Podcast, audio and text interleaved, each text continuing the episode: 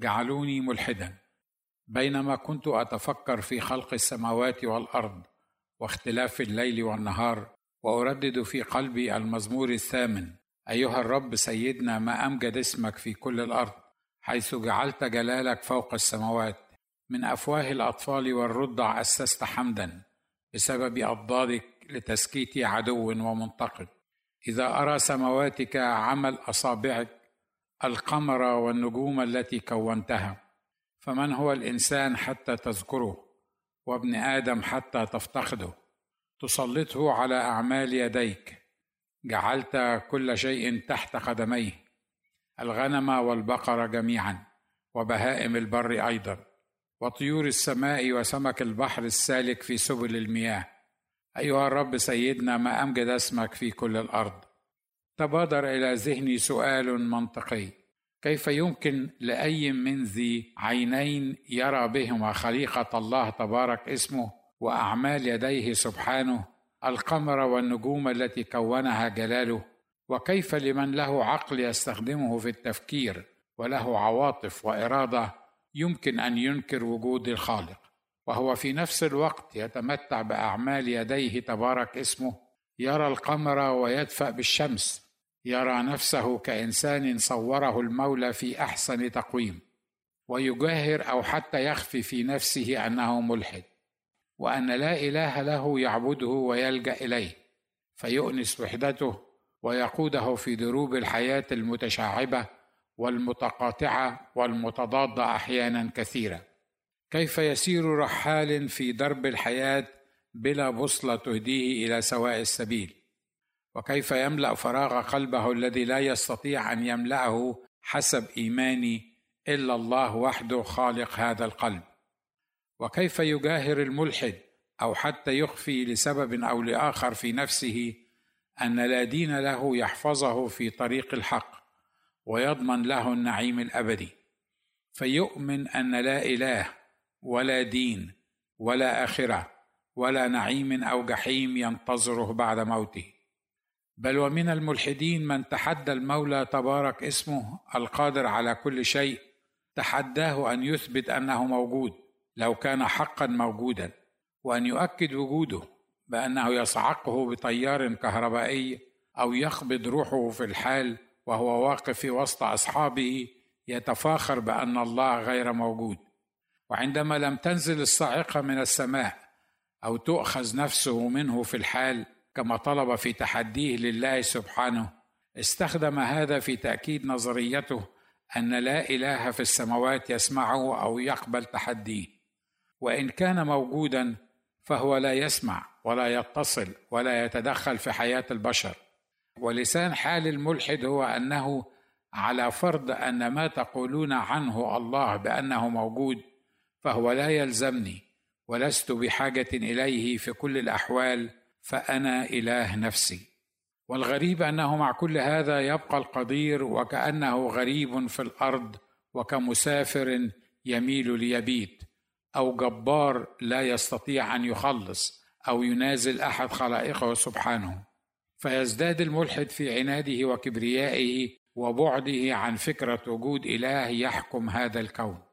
والأمر المحير هو أن أغلب الملحدين على اختلاف أديانهم هم شخصيات مرموقة في المجتمع وهم المثقفون المتعلمون محب القراءة والبحث والتأمل المؤثرون في مجتمعاتهم وأغلبهم شخصيات قيادية تتحلى بملكات وإمكانيات لم تتوفر لغيرهم.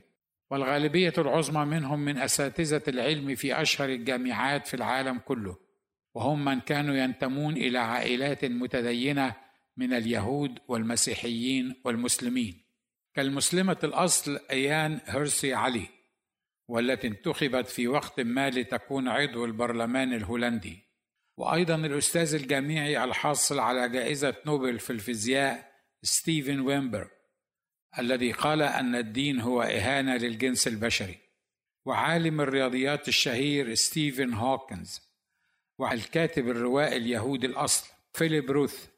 بل والأكثر من ذلك منهم من كانوا قسوسا وخداما للإنجيل من مذهب الرسوليين أو الخمسينيين والمشيخيين من أمثال أنثوني بين أستاذ الدراسات الدينية بجامعة رايس. ولذا وبعد دراسة شخصيات مثل هؤلاء الملحدين وغيرهم قررت أن أقود وأخوض في مشوار بحث طويل حول الأسباب التي يمكن أن تجعل الإنسان ملحدا. وخاصة أولئك الذين ولدوا وتربوا في مصر وبعضهم ولد في عائلات مسيحية بل والأكثر من ذلك منهم من كانوا أبناء قسوس وخدام مشهود لهم من جميع من حولهم بالإيمان الثابت غير المتزعزع في المسيح فاد البشر أجمعين ومؤسس كنيسته والواعد بأن أبواب الجحيم لن تقوى عليها. فكيف استطاعت قوات الجحيم أن تختطف أولادهم وتحولهم من شباب كان من المفروض أنهم يسيرون على ضرب آبائهم إن كانوا حقا مخلصين في إيمانهم أو قل على ضرب المسيح بغض النظر عن ما كان عليه آباؤهم وأمهاتهم من أوضاع يوم أن كانوا يخدمون المسيح في مصر والبلاد العربية.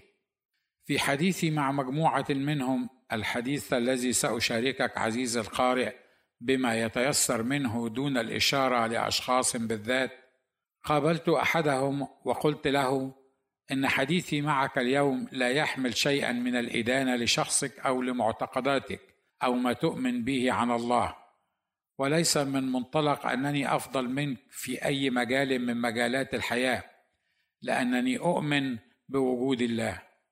ولن أتحاور معك فيما تؤمن أو أحاول أن أقنعك بوجهة نظري أو إيماني بشيء ما.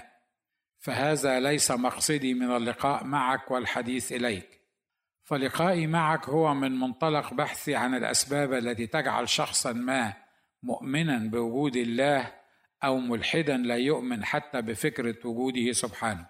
فلذا فسؤالي كيف انتهى بك الأمر إلى ما أنت عليه من إلحاد وإنكار لوجود الله وقد كنت في القديم حسب ما رأيتك يوما من الأيام عضوا عاملا في ملكوت ذاك الذي تنكر وجوده الآن. أجابني ولدت كما تعلم في عائلة مسيحية بسيطة. كان أبي خادما لما تسمونه أنتم إنجيل المسيح. عندما كنت في الثانية عشره من عمري فهمت من أبي الخادم أنني لست مثل باقي الأولاد الذين في مثل عمري. عندها سألته ما الفرق بيني وبين بقية الأولاد؟ قال أنت ابن خادم للمسيح. قلت وهل هذا يجعلني أقل أم أفضل منهم؟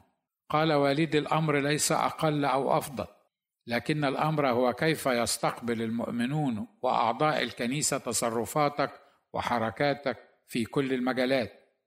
قلت لا أفهم. قال إن خطأك في أمر ما كابن خادم وخاصة إذا أخطأت على مرأى ومسمع من أعضاء الكنيسة فسيكون ذلك سببا ليس في إدانتك أنت فقط بل وأنا أيضا. قلت وما دخلك أنت بخطئي؟ قال أنت ابن الخادم والناس جميعا يضعون الخادم وعائلته وأبنائه تحت مجهر خاص يمكنهم من رؤية أي خطأ في حياتهم حتى لو لم يكن ظاهرا للعين المجردة. قلت هذه مشكلة الناس يا أبي التي يحتاجون أن يتخلصوا منها وليست مشكلتي أو مشكلتك أنت. قال هذه مشكلة كبرى بالنسبة لنا ولهم ولا يمكنني أن أشرح لك كل تفاصيلها اليوم لأنك لن تستوعبها لأنك لست تعلم الآن ولكنك ستفهم فيما بعد. لم أفهم يومها ما معنى العبارة. سألت نفسي يومها أي بعد هذا الذي يتكلم عنه أبي؟ ومتى سيأتي هذا البعد في البداية ظننتها جملة من اختراع أبي القسيس لكي ينهي حديثه معي دون أن يشرح لي أو يعرفني لماذا يتدخل الناس في حياتنا ويراقبونني ويتتبعون خطواتي التي كانت صغيرة يومها. إلى أن كبرت وعرفت أن هذه العبارة لكنك ستفهم فيما بعد قالها المسيح لتلميذه بطرس. ربما لكي يتخلص من أسئلته وحواراته الكثيرة والتي كان لديه كل الحق لسؤال سيده عنها. لكن المعلم كما تلقبونه أنتم المسيحيون لم يكن على استعداد أن يشرح له أمر غسل رجليه واكتفى بعبارة لكنك ستفهم فيما بعد. العبارة التي اكتشفت أن معظمكم أيها المؤمنون المغيبون تستخدمونها كالبغبغاوات أو الشماعات لتستريح ضمائركم ولتقبلوا أو تتعايشوا مع أمركم الواقع ومع المصائب والمتاعب والمشاكل التي تواجهكم في أغلب الأمور التي لا يمكنكم معرفة منشأها أو تستطيعون فهمها أو تحليلها أو الاقتناع بها. كان صديقي يدلي بحديثه لي وقد بدت عليه علامات الغيظ والحقد والاكتئاب ممن يؤمنون بوجود من يسمونه الله على حد تعبيره. كنت محصورا بين أمرين كلاهما مر. أولهما أنني وعدته أن هدف لقائي به هو فقط لأعرف طريقه تفكيري وبأنني لن أحاول أن أصحح أفكاره في حالة اختلافي معه حولها. مع علم التام أنني إذا بدأت في تصحيح أفكاره ووفقا لما أؤمن أنا به سأفتح بيننا بابا للنقاش لن يسد ولن يغير من عقله أو قناعاته شيئا حيث أن التغيير الحقيقي لن يأتي حسب ما أؤمن أنا به إلا من الروح القدس لشخص يطلب بتواضع أن يعلمه الروح القدس ويشرح له ما خفي عنه من حقائق. فينبغي أن الذي يأتي إلى الله أنه اولا يؤمن بأنه موجود تبارك اسمه وأنه يجازي الذين يسألونه. وصديقي لا يؤمن بوجوده من الأصل. الأمر الثاني الذي زاد من توتري وحيرتي فيما يتعلق بما أسمع من صديقي هو أن صديقي يتكلم عن أمور كتابية كثيرة بطريقة غير صحيحة. وأنه يقتطع مقتطفات من آيات كتابية من سياقها ويستشهد بها بل قل يستهزئ بها. وأنا لا أستطيع أن أدافع عن الحق الكتابي كما أفهمه وكنت على علم أنه إذا بدأت أنا بالدفاع عن الحقائق الكتابية أن صديقي سينهي حديثه لي ولن أحصل على غايتي في دراسة حالته وحالة أمثاله ممن لسان حال كل منهم جعلوني ملحدا. اكتفيت بابتسامة لها مغزى واضح وعميق. فهمها صديقي جيدا. وقد وصلت رسالتي إلى صديقي بأن لدي الكثير أن أقوله لك وأختلف معك في تفسيري. لكن لن أفعل كما وعدتك فأكمل حديثك ولن أقاطعك.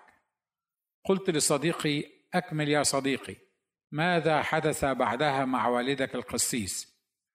قال كصغير السن يومئذ لم أفهم كثيرا من أين جاءت فكرة أن ابن الخادم ينبغي أن يحيا حياة تختلف عن كل الأطفال الذين في مثل عمره. لذا فقد عشت من يومها إلى أن تحررت من فكرة وجود هذا الإله الذي لا يدافع أو يحامي عن خدامه وأسره ولا يتدخل ليقف في جانب ابن الخادم المظلوم والمحسوب عليه كل تصرفاته عشت في عذاب بين قوة تشدني لأحيا حياتي وعمري وأيامي وأجرب الصواب والخطأ أنجح وأفشل كباقي الشباب. وبين شكلي وصورتي كابن خادم وحرصي على صورتي وصورة أبي قدام الناس. كنت أشعر أنني ممثل كبير في ملهاة صاخبة اسمها الحياة الدنيا. في بعض الأحيان يحالفني الحظ في لعب دور المؤدب العاقل الرزين القديس الذي لا يعرف خطية وليس في فمه غش. وأحيانا أخرى كنت أفشل في لعب هذا الدور فينفضح الأمر وأظهر على حقيقتي ويصبح ظاهرا للجميع أنني لست حقيقيا بل ممثلا ولست أنا بممثل فحسب بل أنا ممثل فاشل أيضا. وكذاب ومنافق وغشاش ومخادع لنفسي ولمن حولي. وفي كل مرة فشلت فيها وبانت حقيقتي سمعت من حولي يستخدمون آياتهم من كتابهم الذي يظنون أنه منزه عن الخطأ ويطلقونها كالرصاصات على رأسنا وأذاننا أنا وأبي قائلين أن القسيس ينبغي أن يعرف كيف يدبر بيته حسنا. وأن يكون له أولاد في الخضوع بكل وقار. وإنما إن كان أحد لا يعرف أن يدبر بيته فكيف يعتني بكنيسة الله؟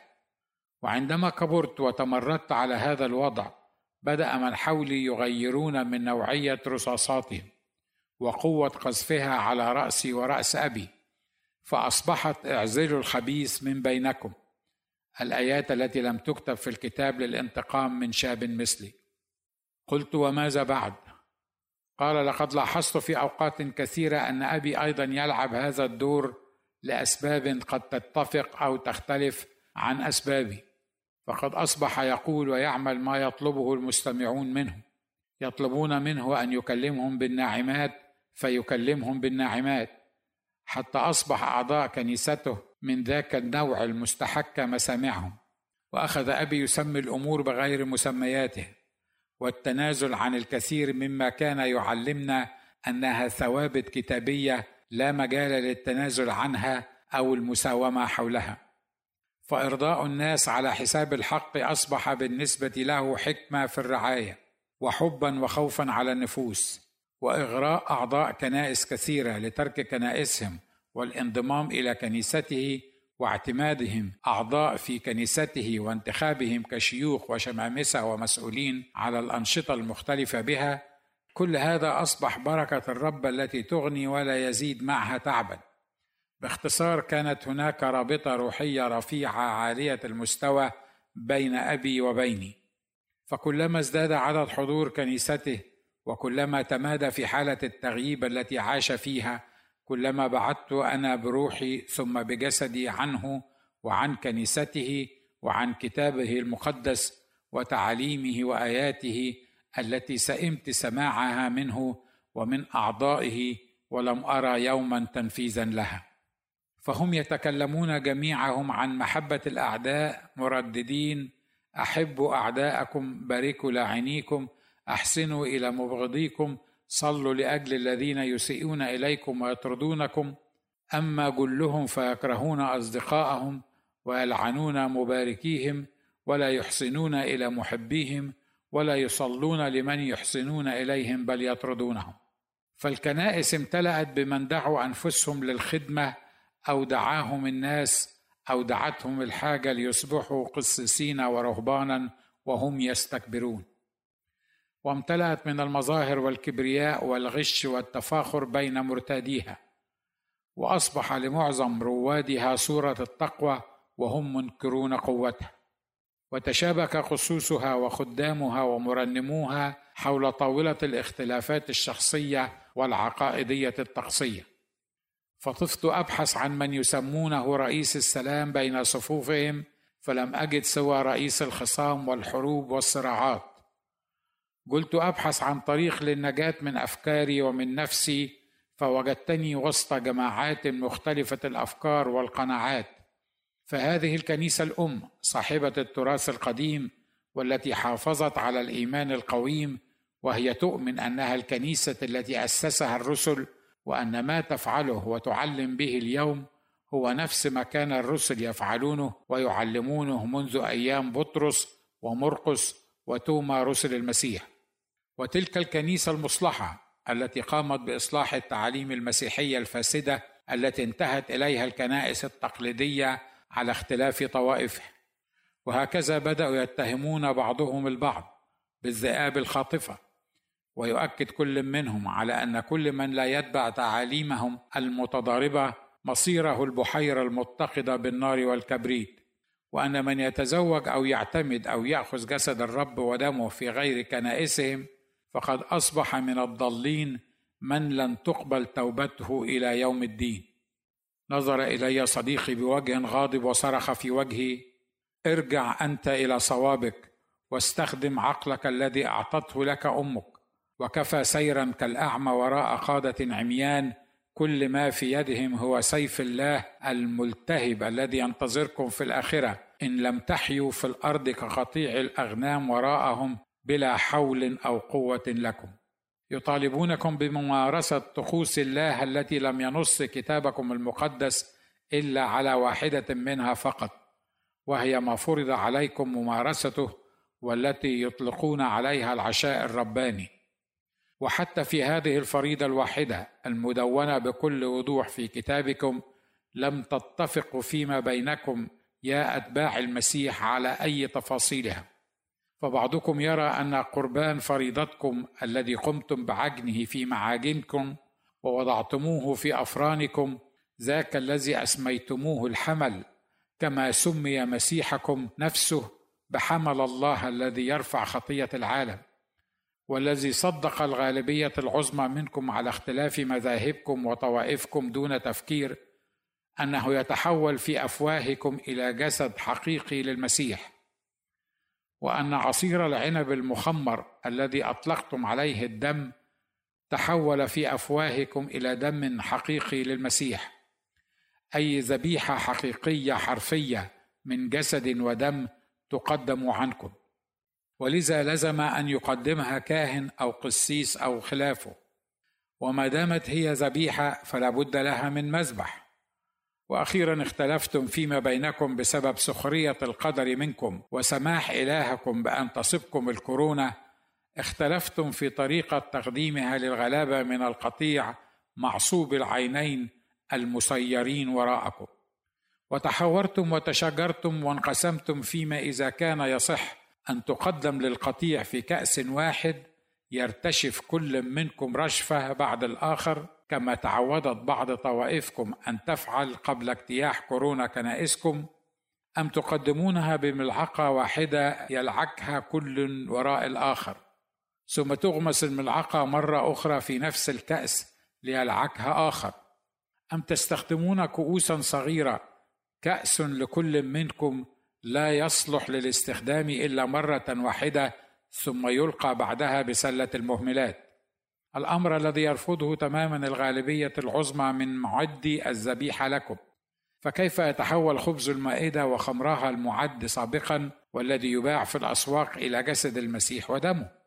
وكيف تلقون ببقايا قطرات دم المسيح الذي تلطخ كؤوسكم الصغيرة أو الكبيرة في سلة المهملات؟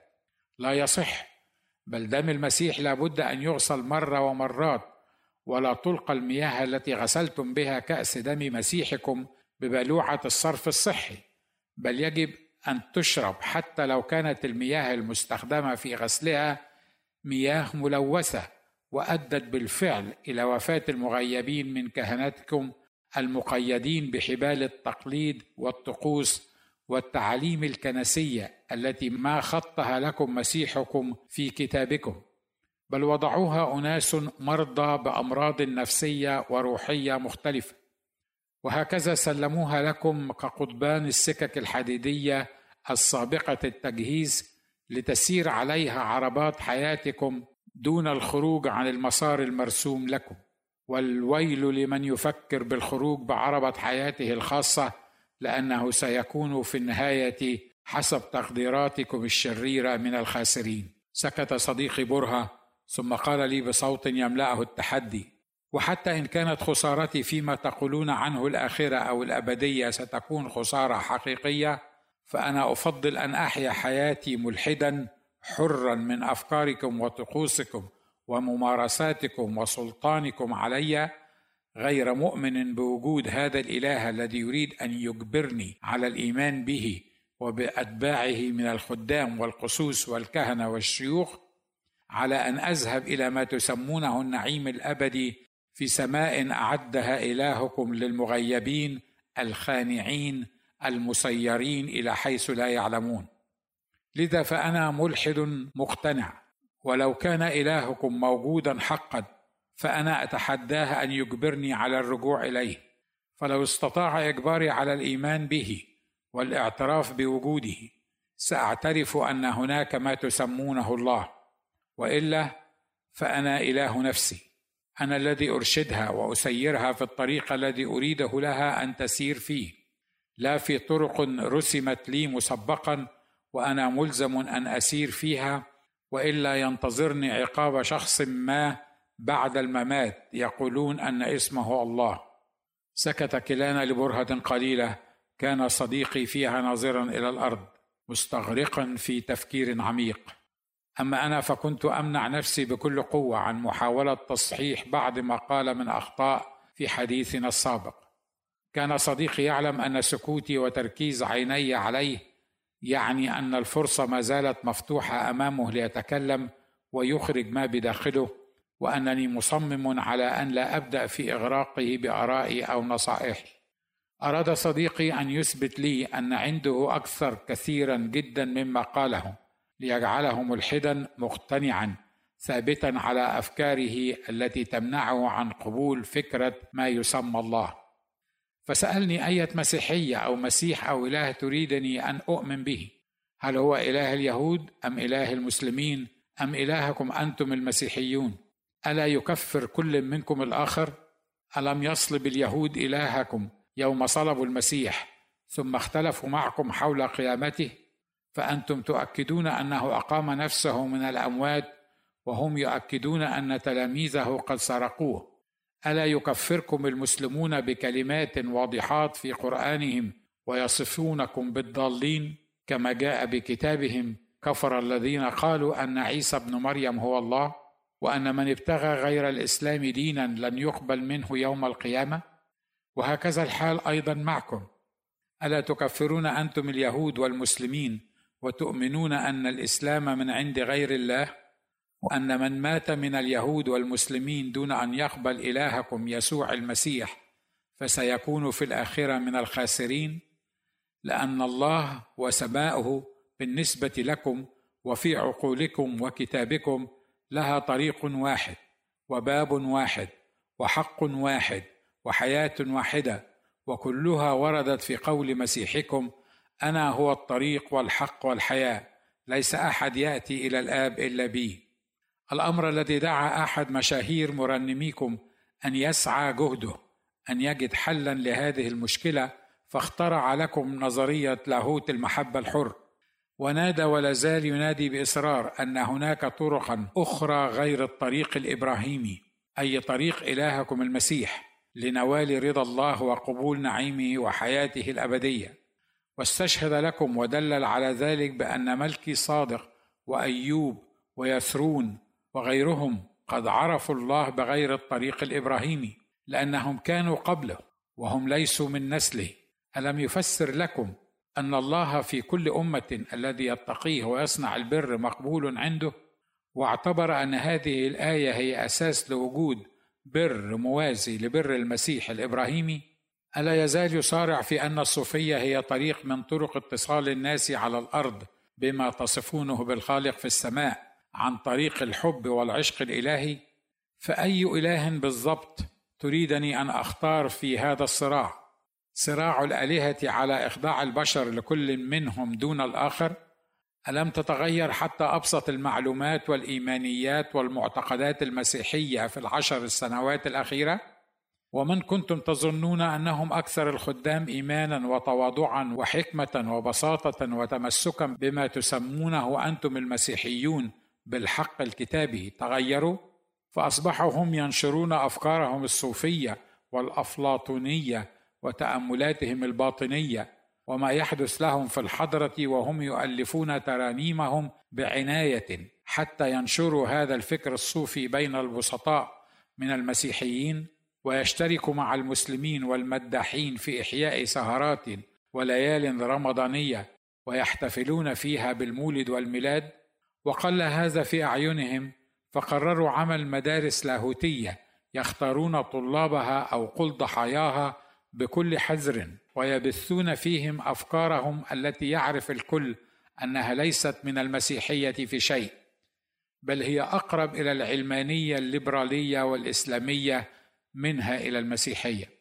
ومع ذلك لا يتصدى لهم سوى نفر قليل جدا بكشف خططهم الخبيثة لإقحام الصوفية والتعاليم الإسلامية العلمانية على المسيحية وغير هؤلاء النفر القليل لا يتصدى لهم أحد ابتداء من رؤساء الطوائف المسيحية إلى أصغر قسيس سنا عرفته مصر والبلاد العربية حتى الآن.